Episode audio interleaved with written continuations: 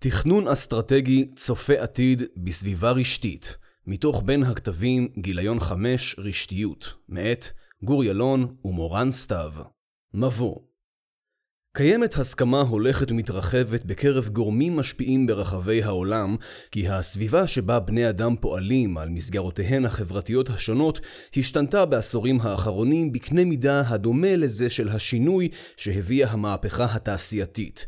יש שהגדילו לומר כי אנו נמצאים בתקופה כה חסרת תקדים מבחינת שינוי הסביבה, שכן האנושות צועדת לקראת התכנסות ייחודית של מספר שינויים מהותיים, שבקרוב מאוד נידרש לשינוי פרדיגמטי קיצוני באופן שבו אנו חושבים ומתכננים כחברה. צה"ל כאחד הארגונים המרכזיים בישראל מושפע באופן ניכר מהשינויים בסביבה. יתר על כן, כארגון המבוסס על תפיסות תעשייתיות והיררכיות, נוסף על תרבות ארגונית צבאית, הצבא מתקשה להדביק את הפער ולהשתנות בהתאם לסביבה. מתוך כך, המטה הכללי, ובתוכו אג"ת, מתקשה לבצע תכנון אסטרטגי צופה עתיד. יצאנו לבדוק האם ארגונים צעירים יותר, כלומר כאלה שאינם מבוססים על המודל התעשייתי, מתגברים על הקושי בפיתוח אסטרטגיה צופה עתיד, והאם התנהלות רשתית יכולה לעזור לתהליך. בבחינה של ארגונים כמו גוגל, נייק, של ואחרים, מצאנו שהתנהלות רשתית, הבאה לידי ביטוי בארכיטקטורה, בתרבות ובצורת גיוס כוח אדם וניהולו, אכן תרמה במקרים בולטים ליצירת אסטרטגיה צופה עתיד מוצלחת. תרומה זו באה לידי ביטוי בין השאר כאשר ארגונים אלה השכילו לזהות מגמות מהותיות הצפויות להשפיע על סביבתם, לדמיין בהצלחה כיצד עשויות להיראות הסביבות העתידיות ומכאן כיצד צריך להיראות הארגון ואילו תוכניות עליו לתכנן בכדי להציב עצמו בעמדה טובה ביחס לעתיד. אנו טוענים שהתנהלות רשתית, כאשר היא מוטמעת במידה הנכונה, יכולה לסייע בעיצוב אסטרטגיה צופה עתיד, שכן היא מתאימה יותר לסביבה המשתנה של זמננו. ביצענו סדרת רעיונות עם נציגים בדרגים שונים באג"ת, זאת כדי להבין בצורה טובה יותר את התנהלותם היומיומית, את התרבות הארגונית ואת הבעיות עימן מתמודד האגף בשגרה ובחירום.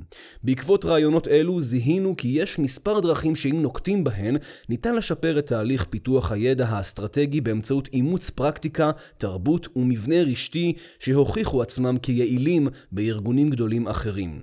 בתחילת מחקר זה אנו סוקרים את אשר ידוע נכון להיום בנוגע ליחס בין רשתיות ובין אסטרטגיה. לאחר מכן, בסיוע מקרי בוחן, אנו מציגים כיצד גוגל, המאופיינת בהתנהלות רשתית, מעצבת ומוציאה לפועל אסטרטגיה צופה עתיד.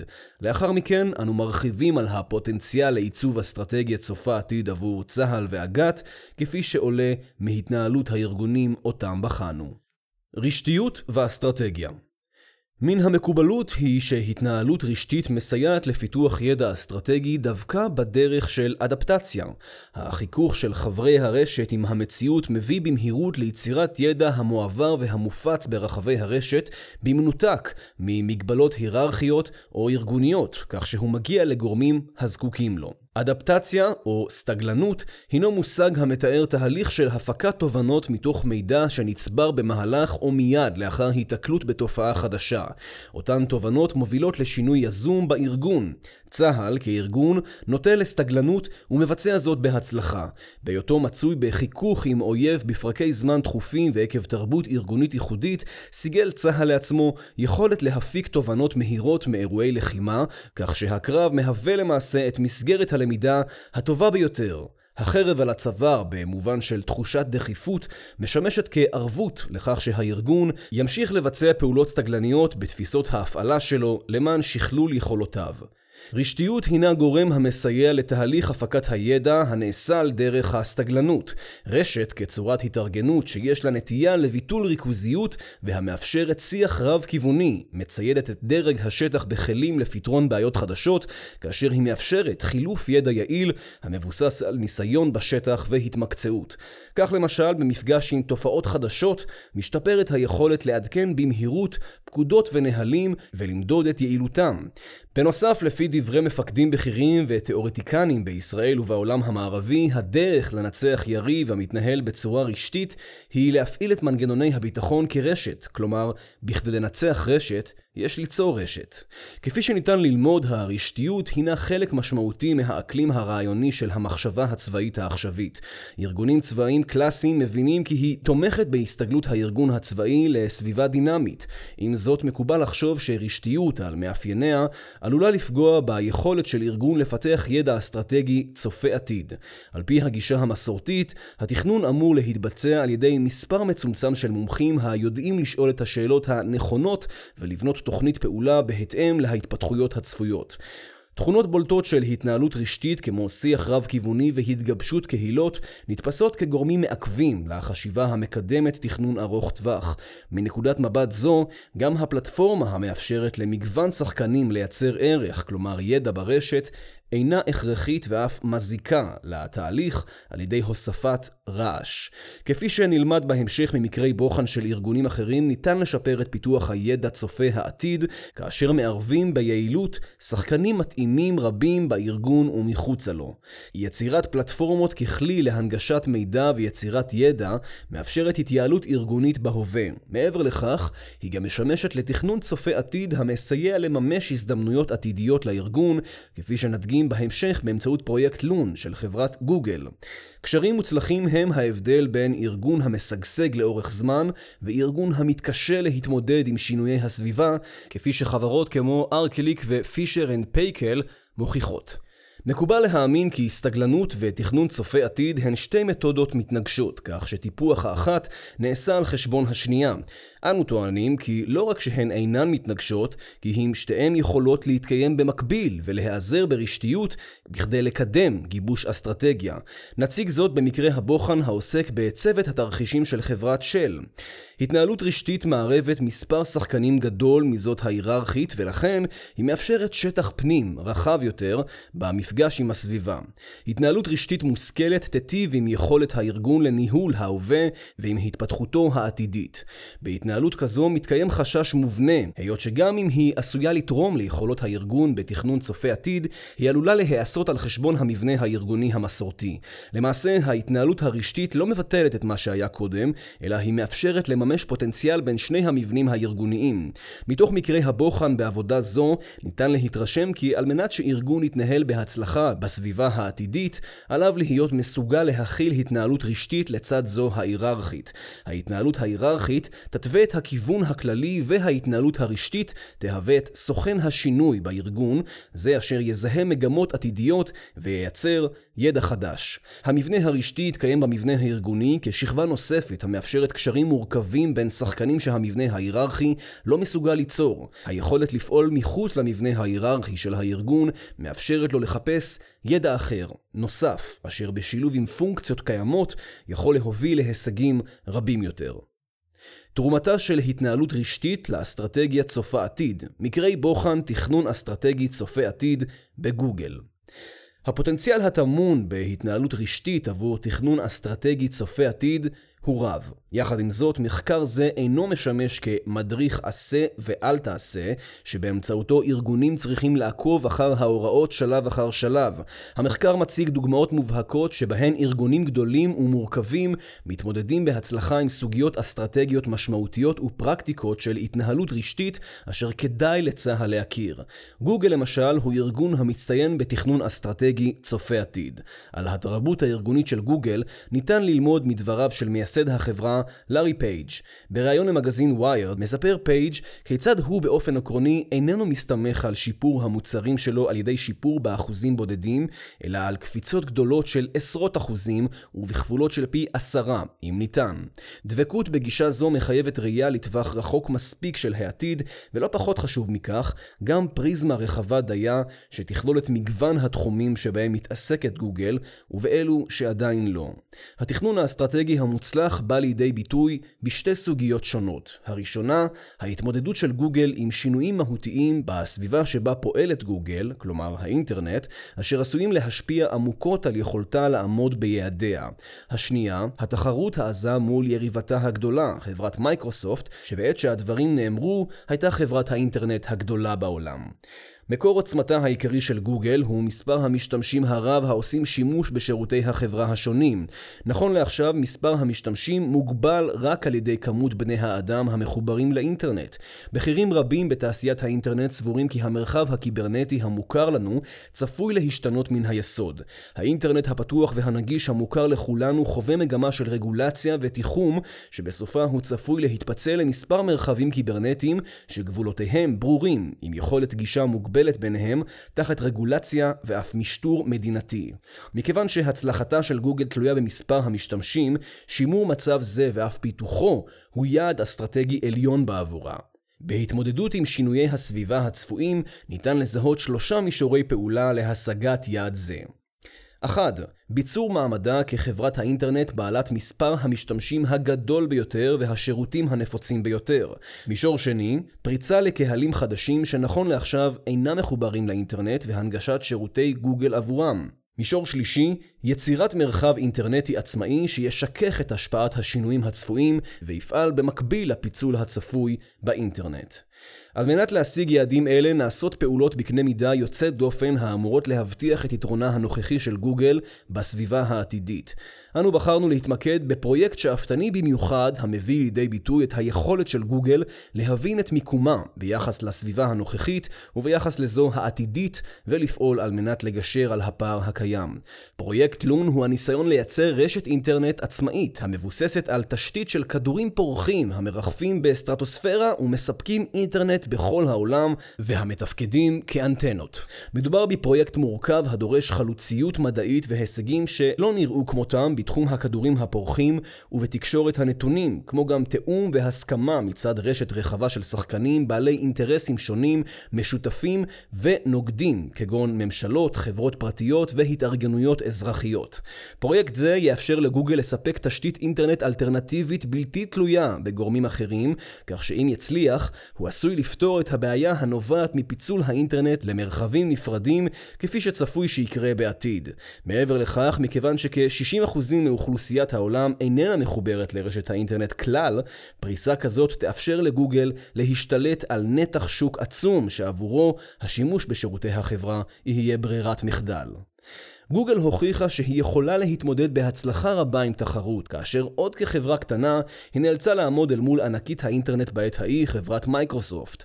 ההבנה בקרב מקבלי ההחלטות בגוגל הייתה שמייקרוסופט היא הענק שעימו יש להתמודד, אך גם שמייקרוסופט בעצמה רואה בגוגל כאיום העיקרי והיא צפויה להתחרות בה באגרסיביות. ביחד עם הזיהוי המדויק, ההחלטה האסטרטגית לקראת ההתמודדות הצפויה הייתה להתמקד בבניית פלטפורמות, שירותים ומוצרים איכותיים שיהיו נגישים בקלות למשתמשים.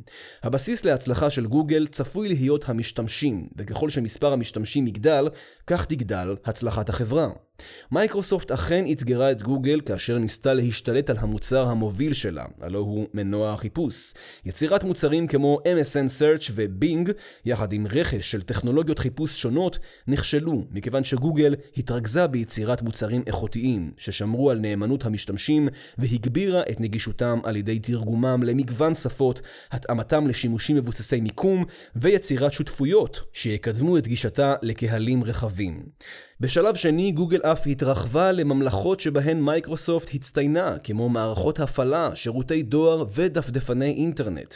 מיקרוסופט שלטה בשווקים של מוצרים אלה בעזרת מערכת ההפעלה, חלונות ודפדפן האינטרנט Internet Explorer, אך גוגל, תוך שמירה אדוקה על האסטרטגיה שקבעה, פיתחה את Chrome OS, שהיא מערכת ההפעלה הנמכרת עם מחשבים ניידים בנפח הולך וגדל, את שירות הדואר ג'ימייל שכבש בסערה את המשתמשים תודות לשירותים ייחודיים, ואת דפדפן כרום, שהפך להיות הדפדפן הנפוץ ביותר ברשת כיום. בדיעבד, גוגל הפכה לאחת מחברות הטכנולוגיה הגדולות ביותר כאשר היא עוקפת את מיקרוסופט בשוויה. בניית פלטפורמה כמנוע לחיכוך, המקרה של Google Maps. פלטפורמה במושגים רשתיים היא כלי המאפשר יצירה של תוצרים או תהליכים חדשים על בסיסה. למעשה, אחת הדרכים לבניית רשת היא על גבי פלטפורמה והאינטרנט עצמו הוא דוגמה לכך. ייחודן של פלטפורמות הוא בכך שהן מאפשרות למשתמשים בהן לייצר ערך חדש העולה בהתאמה ככל שזאת נגישה יותר. אנו נתייחס לערך המיוצר כידע. לגוף המחזיק בפלטפורמה נגישה שעל בסיסה המשתמשים מייצרים ידע, יש שתי תועלות עיקריות. הראשונה היא יצירת קהל משתמשים נאמן הממשיך להשתמש בפלטפורמה כל עוד זו עונה על צרכיו. השנייה, המידע והידע שמוזנים למערכת על ידי קהל המשתמשים מעשיר את מאגר הידע של המחזיק בפלטפורמה. התועלת השנייה מועצמת יותר אם ניתנת למשתמשים האפשרות לשנות את הפלטפורמה כך שתתאים לצורכיהם בצורה טובה יותר. שינויים אלה הם בבחינת יצירת פלטפורמות נוספות עבור המחזיק בפלטפורמה המקורית, בהשקעה מינימלית ואף אפסית. ישנן דוגמאות בולטות לפלטפורמות רשתיות אשר הועילו לתהליכי פיתוח הידע של המחזיקים בהם, אנו בחרנו להתמקד בשירות המיפוי Google Maps. עם השקתו אפשרה גוגל למשתמשים לנווט וירטואלית בכל רחבי כדור הארץ, על גבי מפות ותצלומי לוויין דרך אתר החברה, ולהטמיע את שירות המפות שלהם באתרים ובפלטפורמות שאינן קשורות לחברה. בנוסף על כך אפשרה גוגל למשתמשים להוסיף בעצמה מידע למאגר הנתונים, בכך שאפשרה למשתמשים לייצר שכבות מידע בהתאם לצורכיהם, וכל זאת בחינם. השימוש בפלטפורמה הרקיע שחקים, בעיקר בזכות משתמשים שניצלו את החופש שהפלטפורמה מאפשרת כדי לייצר תוצרים שגוגל כלל לא דמיינם. כך למשל חיפוש דירה להשכרה דרש בתחילה מן המשתמשים לחפש את כתובת הדירות הפוטנציאליות בתוך מנוע החיפוש של שירות המפות ולהדפיס את המפות הרלוונטיות. בשלב מסוים אחד המשתמשים שילב את שירות המפות באתר המציע דירות להשכרה, כך שהדירות מופיעות מיד על מפה כאשר הן מוזנות למאגר הנתונים ואף זמינות על אפליקציה בטלפון נייד, המכיל בתוכו שבב GPS, המאפשר למחפש הדירה לנווט בזמן אמת בין הדירות המוצעות. מגוון האפשרויות הוא אינסופי, בעוד לגוגל יש את הפריבילגיה להפוך חלק מן השירותים האלה למוצרים שהיא מספקת ישירות. בין השירותים הקיימים ניתן למצוא שירות המספק מידע על עסקים, עומסי תנועה, תצלומי אוויר אלכסוניים ותצלומי קרקע. כן, ישנם שירותים אקזוטיים יותר, כמו מערכת למציאת נסיעות משותפות, מיפוי אזורים מוכי אסון, ואף תצלומי לוויין של מאדים. כאמור, אלו דוגמאות מצומצמות לשירותים שגוגל הפכה למוצרים רשמיים. מספר המוצרים מצד שלישי ושימושיהם גדול ומגוון אף יותר. היתרונות של גוגל ברורים, מספר המשתמשים העצום שאימץ את השימוש בשירות המפות, הידע המגוון שנוסף כשכבות על אותן מפות, והמוצרים הייחודיים שנולדו עקב שילובים מפתיעים, משרתים את גוגל מעצם בעלותה המשותפת על מאגר הידע, וזאת בעלות מינימלית שבאה לידי ביטוי בעיקר בתחזוקה, שתכליתה להפוך את השירות לנגיש עוד יותר. אג"ת, כגוף מתכנן, שואף להימצא בחיכוך מתמיד עם המציאות על מנת שיוכל לספק תוצרים רלוונטיים לצרכנים. כדי להשיג זאת, יש צורך לעבד מידע רב ולייצר ממנו ידע שישמש אותו להפקת התוצרים. אנחנו מציעים לחשוב כיצד ניתן להעמיד לרשות קהילות הידע השונות העוסקות בכחול ובאדום, פלטפורמה שתאפשר להם לייצר ידע ולנהלו בצורה טובה יותר. אג"ת, כגוף המאפשר את הפלטפורמה, יוכל לשפר את האופן שבו הוא נמצא בחיכוך עם הסביבה, ועקב כך לספק תוצרים רלוונטיים וטובים יותר. בנוסף, כפי שהתרחש עם שירות המפות של גוגל, מגוון היישומים האפשריים הוא כה רב, עד כי לא ניתן להעריך את התועלות העתידיות האפשריות שייווצרו ככל שהפלטפורמה תהפוך לנגישה יותר. התמקצעות וניצול משאבים, עקרונות הליבה של נייק.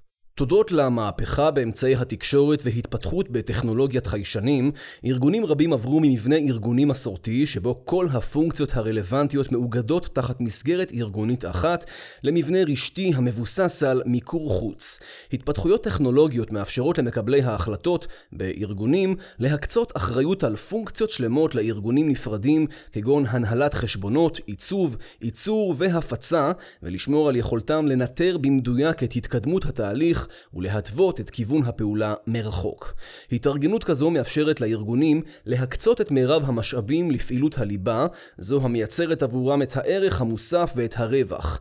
ניתן לדמיין מבנה ארגוני כזה כמרכז שליטה ובקרה המוקף ברשת של מומחים חיצוניים המחוברים אליו באמצעים אלקטרונים שונים. מהירות הקשר ואיכותו יכולות להיות טובות עד כדי כך שניתן להתבלבל ולחשוב שמדובר בארגון אחד. דוגמה לחברה גדולה ומוצלחת שאימצה את המודל היא נייק. למרות שמדובר בחברת אופנה בקנה מידה עולמי, נייק מייצרת את מוצריה רק לעיתים רחוקות, ולעיתים קרובות אף איננה מעצבת אותם. כיום נייק מרכזת את מאמציה במה שהיא הגדירה כפעולת הליבה של הארגון, בניית ערך המותג באמצעות שיווק מתקדם ופיקוח על ספקיה. הרעיון העומד מאחורי החלטה זו הוא לשמור תחת אחריותה את הפונקציות החשובות ביותר, כלומר, את אלה שהוגדרו כפעילות הליבה ואת אלה אשר לארגון יש יתרון יחסי בהן. ארגונים שיש להם יתרון יחסי, או במילים אחרות התמחות בפונקציות אחרות, מקבלים את האחריות למלא אותן בעזרת רעיונותיהם, נכסיהם והכלים הקיימים ברשותם. התנהלות כזאת מאפשרת לארגון כמו נייק להשיג יותר בפחות משאבים. בנוסף, התנהלות זו מאפשרת גמישות גדולה יותר, כיוון שהארגון יכול לארגן מחדש ולהחליף בין ספקי השירותים השונים בהתאם לשינויים בסביבה, ובמידת הצורך, להחליפם באחרים, על מנת להפיק את הערך המרבי ולהימנע מעלויות שקועות. החיסרון העיקרי של המודל הוא הפוטנציאל לחוסר שליטה הנובע מביזור האחריות. איכות התוצר תהיה תלויה ביכולת של הארגון לבצע בקרה באמצעים טכנולוגיים ובהשקעה בטיפוח היחסים הניהוליים בין הארגון לספקיו, כדי למנוע קונפליקטים. למרות הכל, במקרים מסוימים אין תחליף לדיון פנים אל פנים, כמו במצבי חירום למשל. מתוך הראיונות עם גורמים בהגת עולה כי בין האגפים והחטיבות השונות במטכ"ל, יש בעיה בחלוקת האחריות לפונקציות היוצרות את תהליך עיצוב האסטרטגיה. בארגון כמו צה"ל בלתי נמנע ואף מומלץ להקצות אחריות לפונקציות, לגורמים אשר יש להם יתרון יחסי, אך יש לתת תשומת לב לאופן שבו מחולקות הפונקציות, כך שהגורם המתמחה יוכל למלא אותן בעזרת רעיונותיו, נכסיו והכלים שברשותו, ללא תלות קריטית בגורם אחר. בחטיבה לתכנון אסטרטגי מתארים את הפונקציות כמרכיבות שלם שהוא התכנון האסטרטגי, אשר חלקיהן פוצלו בין מספר חטיבות המתקיימות בנפרד זו מזו. הקיום בנפרד בא לידי ביטוי בכפיפות, בהכשרה, בתרבות הארגוניות ובמאפיינים נוספים. נוסף על קושי זה, לרוב אותם גורמים אינם פועלים בסינרגיה. לדוגמה, אחת מן הפונקציות הדרושות לעיצוב אסטרטגי היא הבנת מיקומו של צה"ל ביחס לסביבתו בעת הנוכחית. הנטייה הטבעית לדמיין את צה"ל ביחס לאיומים המקיפים אותו, באחריות אמ"ן, איננה בלתי נכונה, אך גם איננה שלמה. הסביבה כוללת את צה"ל, את מערכת הביטחון ומערכות נוספות בישראל, מגוון השחקנים האזוריים ושחקנים שחקנים נוספים בעולם. בצורה מיטבית, האחריות ליצירת הבנה שלמה של הסביבה תימצא תחת אחריות גורם אחד שיחזיק בהתמחויות המתאימות למלא אותה. אין בכך לטעון שיש לאחד כלל הגורמים העוסקים בהבנת הסביבה היום לכדי מבנה ארגוני אחד, אלא כי יש לקדם תפיסה שבה יושם הדגש על מילוי הפונקציה השלמה שהוא הישגה הנדרש. בצורה מיטבית פחות, זאת המתחשבת במבנה והתרבות הארגונית הקיימים כיום, צריכה להתקיים לפחות סינרגיה טובה בין החולקים את האחריות למילוי הפונקציה. למדנו במהלך המחקר כי במקרים מסוימים כאשר צו השעה מחייב זאת, מתקיימת סינרגיה טובה למדי בין החטיבות השונות החולקות את האחריות לעיצוב האסטרטגי. עוד עולה כי הסיבה לאי קיומה של סינרגיה טובה טמונה בתרבות ובארכיטקטורה הארגונית. למרות זאת, כאשר הסינרגיה מתקיימת, ניתן לזקוף זאת לזכותן של הנפשות הפועלות, אשר מצליחות להתגבר על החסמים הארגוניים והתרבותיים התרבותיים הקיימים. מתוך אלו, אנו טוענים כי שינוי ארגוני שהרעיון המארגן שלו הוא חלוקת אחריות לביצוע פונקציות שלמות לגורם אחד, קיים או עתידי, עשוי לגשר על החסמים הקיימים כיום. כשלב ביניים, טרם השינוי הארגוני, יש לחתור להסתכלות ולהגדרה הוליסטית יותר. כלומר, יש לראות מבעד לבירוקרטיזציה הקיימת באגפי המטכ"ל, ולהרכיב תמונה של הפונקציות אותן יש למלא. חתירה זו תהווה את הבסיס לשינוי ארגוני מתאים בעתיד. הרחבה של יכולות ההשפעה בתוך הארגון. מה למדנו מצוות התרחישים של תאגיד של? The future is already here, just not evenly distributed. William Gibson. ארגונים גדולים מתקשים לחזות התרחשויות עתידיות. גם אם לארגון יש יכולת להעריך מהן התרחישים העשויים לקרות, הוא נתקל בקשיים לאתר בתוכו את הידע העשוי לסייע לו בהתמודדות. דרך מקובלת היא למפות את ממלאי התפקידים האמונים על נושאים שבהם יש לארגון עניין אקטואלי, אך לרוב לא תתקיים חפיפה מלאה בין מנהל האמון על נושא מסוים לבין הידע הקשור לאותו נושא. אחת הדרכים הפשוטות בהן ארגון יכול להפיק ידע מתוך חבריו היא פשוט לשאול. זה בדיוק מה שחברת רויאל דאצ'ל עשתה. מדובר בתאגיד ענק הכולל 100 אלף עובדים ב-90 מדינות. התאגיד מתמקד במשאבי אנרגיה כמו נפט וגז. מועצת המנהלים ממוקמת באמסטרדם, משרדי התאגיד בלונדון, ובנוסף לחברה יש מספר רב של סניפים וחברות בת ברחבי העולם. מיותר לציין כי להפקת הידע האסטרטגי בארגון כזה, יש השלכות בהיקפים גאו-אקונומיים עצומים. כתוצאה מכך, הארגון החליט להסיט את מרבית חברי צוות התכנון של התאגיד לפרויקט שכונה קבוצת התרחישים. על חברי הקבוצה הוטל לבחון כיצד ניתן לעגן תהליכי למידה והפקת ידע בתוך סבך החברות של הארגון ברחבי העולם. בכדי לפשט את התהליך, מנהל הקבוצה, פייר ווק, הגדיר את המטרה לשנות את המפות המנטליות המנחות את דרג המנהלים. הוא קבע כי לפני שהקבוצה תתקוף את האתגר ותמליץ על סדרי פעולה ארגוניים, עליה פשוט לשאול את דעתם של המנהלים בארגון הנמצאים בקשרים עם מספר רב של שחקנים ברשת האזורית שלהם. לצורך כך נקבע ראיון אישי בנוסח קבוע בעבור כל אחד מהמרואיינים. כתוצאה מאילוצי זמן, בשל כמו בצה"ל הקברניטים עסוקים בניהול ההווה, הצוות לא יקצה זמן רב בעבור השלב הזה. הם תכננו להתמקד בהכשרה קצרה על בסיס ארבעה אשכולות. חזון אסטרטגי, מיצוב תחרותי, ניהול חלופות ותכנון תרחישים עתידיים. עם זאת, איכות התוצאות של השלב הראשון הפתיעו את חברי הקבוצה, והם החליטו להקצות זמן לשלב ביניים נוסף. היזון חוזר קבוצתי. קבוצת המרואיינים, מנהלים מאותה חברה, קיבלה סקירה של הארגון, בכללה תובנות, אתגרים ואיומים צפויים על בסיס הראיונות של חבריה הבכירים. השלב הזה גם שימש לאימות ההבנה של קבוצת התרחישים את דברי המרואיינים. יתרה מכך, בזכות שלב זה מנהלים זכו להיחשף לתובנות מעמיקות של עמיתים ופקודים בתחומים שבהם הם לא אמורים להישאל עליהם, שכן בארגון כל אחד מתמקד בתחומו. הצוות גילה כי לרוב למנהלים אין הזדמנות לדבר בחופשיות, לכן לא הוגבלה השיחה להישגים נדרשים קבועים. לאחר מכן עברו המנהלים את הכשרת ארבעת האשכולות, אשר מטרתה הייתה בראש ובראשונה לשפר את יכולות החשיבה המשותפת והתקשורת בין חברי הארגון. אשכול החזון האסטרטגי התייחס למנוע של הארגון, מה מניע אותו ולאן הוא הולך. לכך, חובה היה להוסיף תת-אשכול הייחודי לכל מנהל בארגון. מהו המניע האישי שלו? הצוות מצא כי המשותף לכל הארגונים המצליחים הוא חזון אסטרטגי נהיר המוסכם על המנהלים. המיצוב התחרותי השווה בין החברה לבין המתחרות. היכן יש להשקיע את מירב המאמצים בכדי לבסס יתרון, ועל בסיס אילו סדרי עדיפויות. ניהול חלופות נועד לאפשר למנהלים להתעניין במספר דרכי פעולה בטרם הם מקדמים תוכנית. הצוות הבחין כי לרוב, גם אם מנהלים מציעים מספר חלופות לבחירה, יש אפשרות מועדפת בעוד שאר החלופות משמשות כתפאורה. חלופות, לו היו מתוכננות בקפידה, משמשות כנכס לארגון. גם כאשר חלופה אסטרטגית דומיננטית נבחרת, החלופות האחרות משמשות כמצפן לארגון בסביבה דינמית ומורכבת. ולבסוף, תכנון תרחישים עתידיים סייע למנהלים למיין בין גורמים יציבים לנקודות חסרות בעתיד, ועל בסיסן לנסות ולבנות תרחישים סבירים לחשיבה עתידית. בתכנון אל מול סביבה לא יציבה, יש לאזן בין הרצון לשמור על האופציות פתוחות לבין המחיר הנקבע מהיעדר החלטה. תכנון תרחישים עתידיים עוזר להעריך את אותו המחיר ועל בסיסו לנהל את האפשרויות.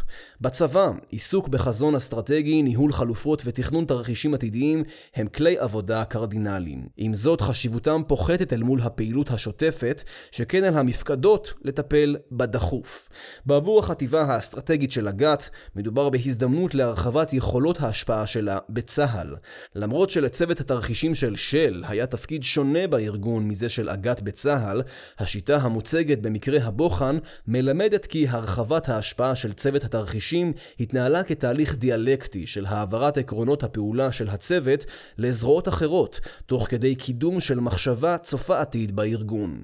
יחדיו, הם שיפרו את יכולות הארגון להשתמש במידע הקיים בתוכו בכדי להשתפר, וצוות התרחישים שימש כקישור בין שחקנים ברשת.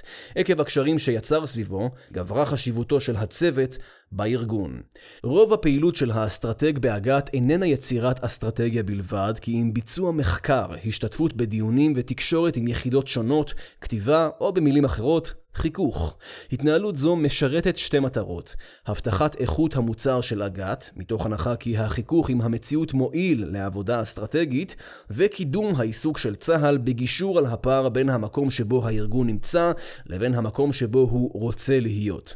מדובר בתהליך קשה, הקורא תיגר על חוקי הטבע הארגוניים, אך יש לו תועלת עצומה לארגון בשירות מקבלי ההחלטות שלו בטווח הרחוק. האסטרטגים של אג"ת מספקים לקברניטים מוצרים בהתאם לדרישות. בתוך כך, עליהם לתפקד כקטליזטור להטמעת אינטואיציה אסטרטגית, או דרך חשיבה, לגבי סוגיות מורכבות. מאחר שצה"ל מאופיין כבעל אוריינטציה טקטית, יש לטפח אינטואיציה אסטרטגית.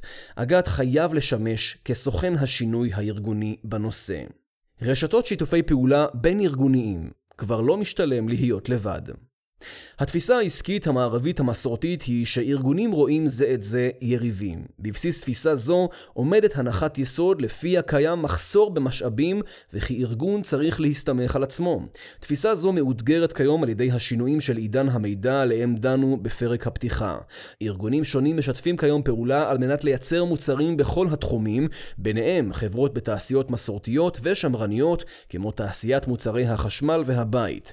דוגמה אחת מיני רבות היא שיתוף הפעולה של ענקית מוצרי הצריכה הביתיים, Arçelik הטורקית, השלישית בגודלה באירופה, עם Fisher & Paykel מניו זילנד. שיתוף זה מאפשר ל Fisher & Paykel, כחברה עם יכולות ייצור גבוהות הנמצאת בבידוד פיזי מן השווקים הגדולים, גישה למזרח אירופה ולמזרח התיכון שבהם יש לארקליק נוכחות משמעותית. מן הצד השני, החברה הטורקית זוכה להרחבת סל המוצרים שלה, לידע הנדסי ולטכנולוגיות ברמה גבוהה ביותר.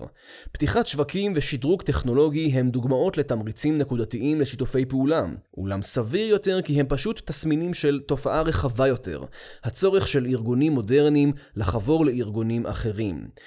מרפי דאפט ועמיתיו חקרו את התופעה בהרחבה, ומסקנתם המרכזית היא שכיום הסביבה הגאו-אקונומית היא כה תחרותית עד כי גם לחברות המוצלחות ביותר יש צורך בשיתופי פעולה.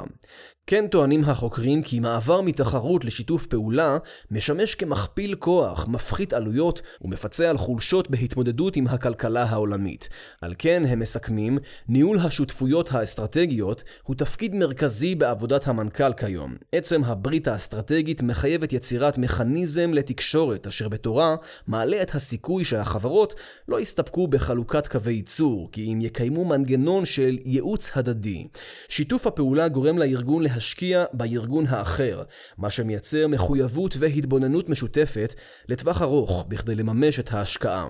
עידוד ההשתתפות כלקיחת חלק אקטיבי בתהליך עיצוב האסטרטגיה מתבצע בין כותלי אג"ת בצורה מעוררת השראה. קצינים מעודדים לחוות את דעתם בדיונים שונים ללא קשר לדרגתם או לתחום מומחיותם. קצינים בדרגות שונות בחטיבה האסטרטגית מציינים כי גם עם קולגות מחטיבת התכנון מתקיימת אינטראקציה מקצועית בתחומים שאינם מחייבים שיתוף פעולה בין החטיבות, אלא מתוך עניין אישי ומקצועי ורצון לתרום למוצר אותו מפיקה החטיבה המקבילה. מנגד, מחוץ לכותליו של האגף, רמת השיתופיות של אג"ת יורדת. הזיקה הארגונית של אג"ת בתוך צה"ל היא ביצוע תכנון אסטרטגי בעבור המטה הכללי. תהליך התכנון מורכב ממספר פונקציות המחולקות בין חטיבות שונות, כדלהלן מחקר של אמ"ן, מבצעים ותוהד של אמ"ץ, ותכנון ואסטרטגיה של אג"ת. מאחר שחטיבות שונות מחזיקות פונקציות המרכיבות יחדיו שלם, שהוא התכנון האסטרטגי, ומאחר שהן מתקיימות בנפרד אחת מן השנייה, ניתן להאמין כי חיבור תהליכים בירוקרטיים יוביל לאיחוד של הגורמים למסגרת אחת, וייעל את התהליך הכללי. למרות שיש בכך בכדי לסייע, להערכתנו, נראה כי ישנן בעיות במבנה הנוכחי שיש קודם להתגבר עליהן כדי לפתור את הבעיה בצורה עמוקה יותר. קודם לכל, מבחינה תפיסתית, יש צורך להפנים, במובן המעודד שינוי תפיסתי והתנהגותי, את ההכרה כי הסתכלות רחבה על החטיבות משמעה להתיר לגופים שונים לבצע פונקציות שונות בכדי ליצור שלם, שהוא איננו רק חיבור החלקים השונים, אלא תוצר הוליסטי גדול יותר. הערך יתבטא במספר רמות, כאשר ברמה הראשונה, החטיבות תתמקדנה ביתרון היחסי שלהן. ברמה השנייה נמצאת סוגיית התקשורת בין החטיבות. מהתבוננות חיצונית, עושה רושם כי התקשורת בין החטיבות השונות כיום נעה בין שיח טכני מוכוון מטרה נקודתית לבין אדישות הדדית מסוימת. שיתוף פעולה או היעדרו נקבע בעיקר כתוצאה ממערכת היחסים בין הנפשות הפועלות בדרגים מקבילים בתוך החטיבות. ג'רביס מציג פרדוקס, לפיו מחלקות בארגונים כה עסוקות בהגנה על רעיונותיהן, בבידולן ובמיתוגן, בכדי להוכיח כי יש להן ערך, עד כי מתגבשת בקרבן האמונה שהיתרון היחסי שלהן טמון בכך. בפועל, היתרון המשמעותי ביותר של חברה טמון כיום בקשר שהיא מנהלת ובערך שהיא מספקת ללקוחותיה.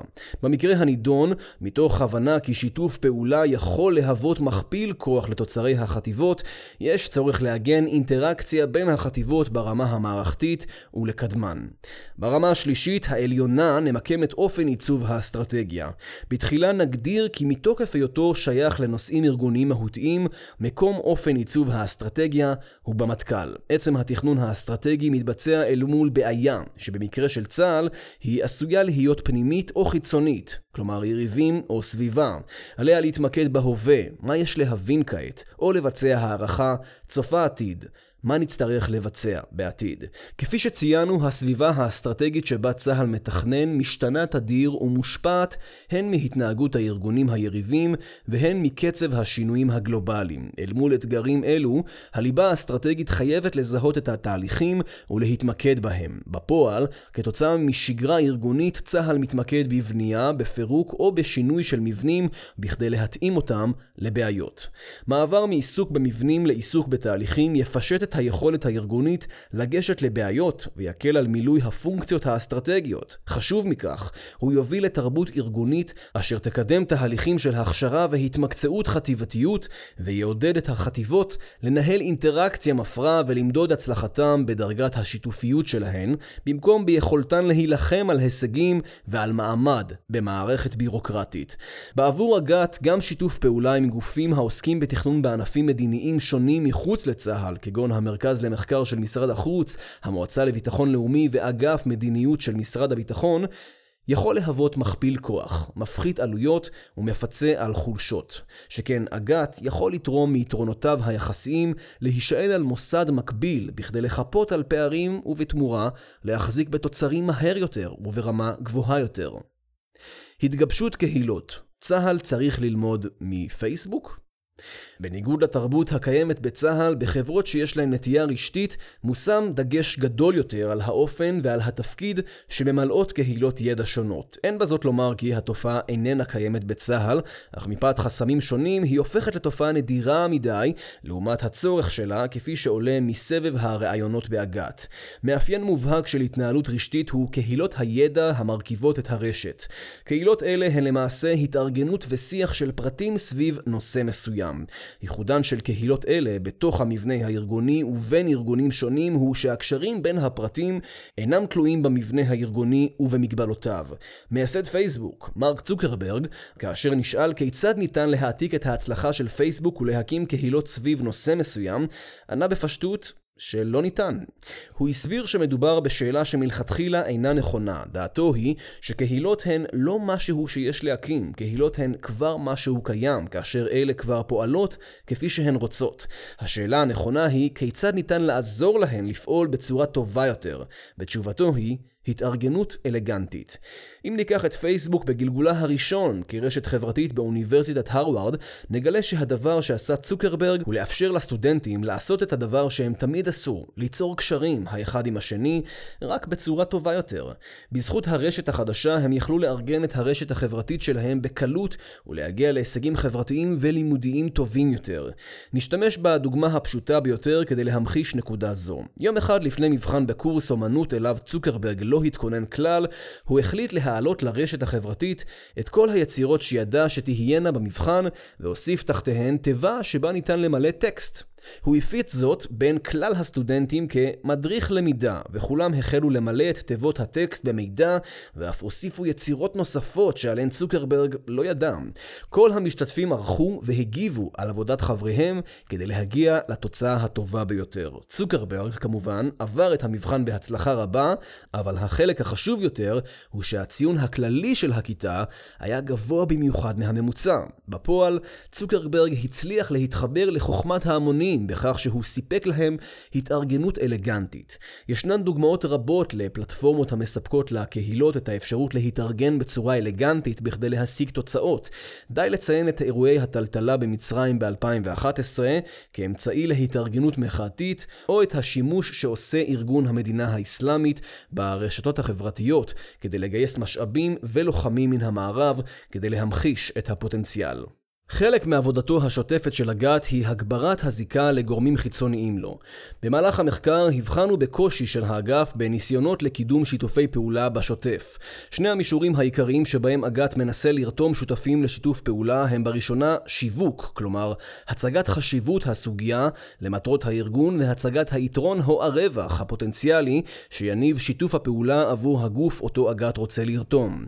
המישור השני הוא השימוש בהיררכיה כדי לחייב גורמים שונים לשתף פעולה, כלומר רתימת שותפים באמצעות הוראה מדרג בכיר. אנו רוצים לטעון שמרק צוקרברג צדק כשאמר שהקהילות כבר קיימות. שחקנים שונים המפוזרים בחטיבות השונות במטה הכללי חולקים עניין בנושאים משותפים רבים ואף פועלים כדי לקדמם לראש סדר העדיפויות הארגוני, אך במקרים רבים בנפרד. נכון להיום, עקב מבנה ארגוני קשיח ותרבות ארגונית המונעת ממחסור במשאבים, קהילות הידע בצבא מת מתקשות להתרומם כיוון שחבריהם לא מתקשרים מספיק זה עם זה. יש צורך בפלטפורמה שתאפשר שתי פונקציות עיקריות. הראשונה היא לאפשר לחברי קהילות הידע החולקים עניין מקצועי משותף, אך המפוזרים ברחבי הארגון, למצוא אלה את אלה. השנייה היא לאפשר להם לשתף פעולה בקלות באופן החודר קירות בירוקרטיים. חשוב להדגיש ששיתוף הפעולה והתקשורת בין חברי הקהילות צריכה להיות רב-כיוונית, כלומר זמינה במרחב משותף לחברי חברי קהילת הידע, כך שכולם יכולים לתרום למאגר הידע.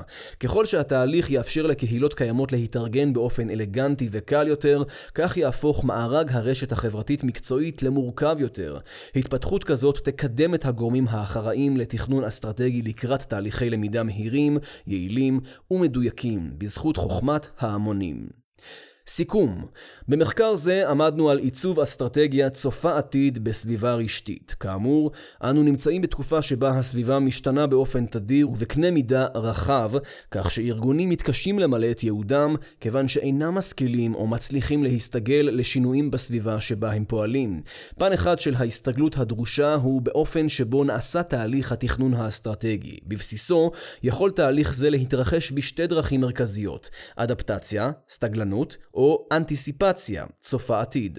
תכנון אסטרטגי על דרך האדפטציה הינו תהליך שבו הבנת הסביבה והפקת התובנות הנוגעות לעתיד נובעות מתוך חיכוך הנוצר במהלך היתקלות בתופעה חדשה או זמן קצר לאחר מכן. תכנון אסטרטגי על דרך האנטיסיפציה הינו תהליך בו יש צורך לדמיין תופעות וסביבה עתידיות לפני שנתקלים בהן. על מנת לעצב אסטרטגיה באופן צופה עתיד, יש להבהיר את מיקום הארגון ביחס לסביבה הנוכחית, לתאר את הסביבה העתידית ולקבוע נתיבים אפשריים שבהם יש להצעיד את הארגון כדי להביאו באופן המתאים לסביבה העתידית. צה"ל כארגון המסתמך על תכנון אסטרטגי מתקשה לעצב אסטרטגיה באופן צופה עתיד, כתוצאה ממאפייניו הארגוניים אשר אינם מתאימים לסביבה המשתנה. במחקר טענו כי אימוץ תרבות, נורמות ופרקטיקות רשתיות עשוי לתרום ליכולתו של צה"ל לעצב אסטרטגיה צופה עתיד. אג"ת, שהוא הגוף הנושא באחריות למילוי פונקציות מרכזיות בתהליך התכנון האסטרטגי, הינו הנמען העיקרי להמלצותינו. יחד עם זאת, חלק מן ההמלצות נוגעות גם למטה הכללי. בעזרת מקרי בוחן, בדמות ארגונים מורכבים בעלי נטייה והתנהלות רשתית, גילינו כי בראש ובראשונה ארגונים אלה הוכיחו הצלחה בתכנון אסטרטגי צופה עתיד ובהוצאתו לפועל. עוד גילינו כי התנהלותן הרשתית תורמת במידה רבה למרכיבים אינטגרליים בתכנון אסטרטגי, כגון פיתוח ידע, ניהול משאבים, הרחבת יכולת ההשפעה על הסביבה, שיתוף פעולה ויצירת קהילות ידע. חשוב לציין כי מחקר זה מוגבל בהיקפו באופן שאין הוא מתאר תמונה מלאה של התנהלות רשתית בארגונים, וכי מקרי בוחן אחדים מתארים תופעות שאינן רשתיות במובן הטהור של המושג.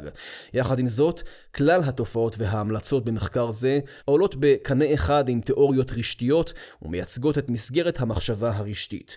כאמור, המחקר איננו מדריך עשה ואל תעשה, אשר על פיו צה"ל צריך לאמץ את המסקנות המוצגות ולצפות לתוצאות דומות. דומות, אלא הוא אמצעי לפתיחת צוהר לתהליך שנעשה בהצלחה בארגונים מורכבים אחרים ושעשוי לתרום להרחבת מסגרת המחשבה ולתפיסות הפעלה בתכנון אסטרטגי העשויות להועיל לתכנון האסטרטגי.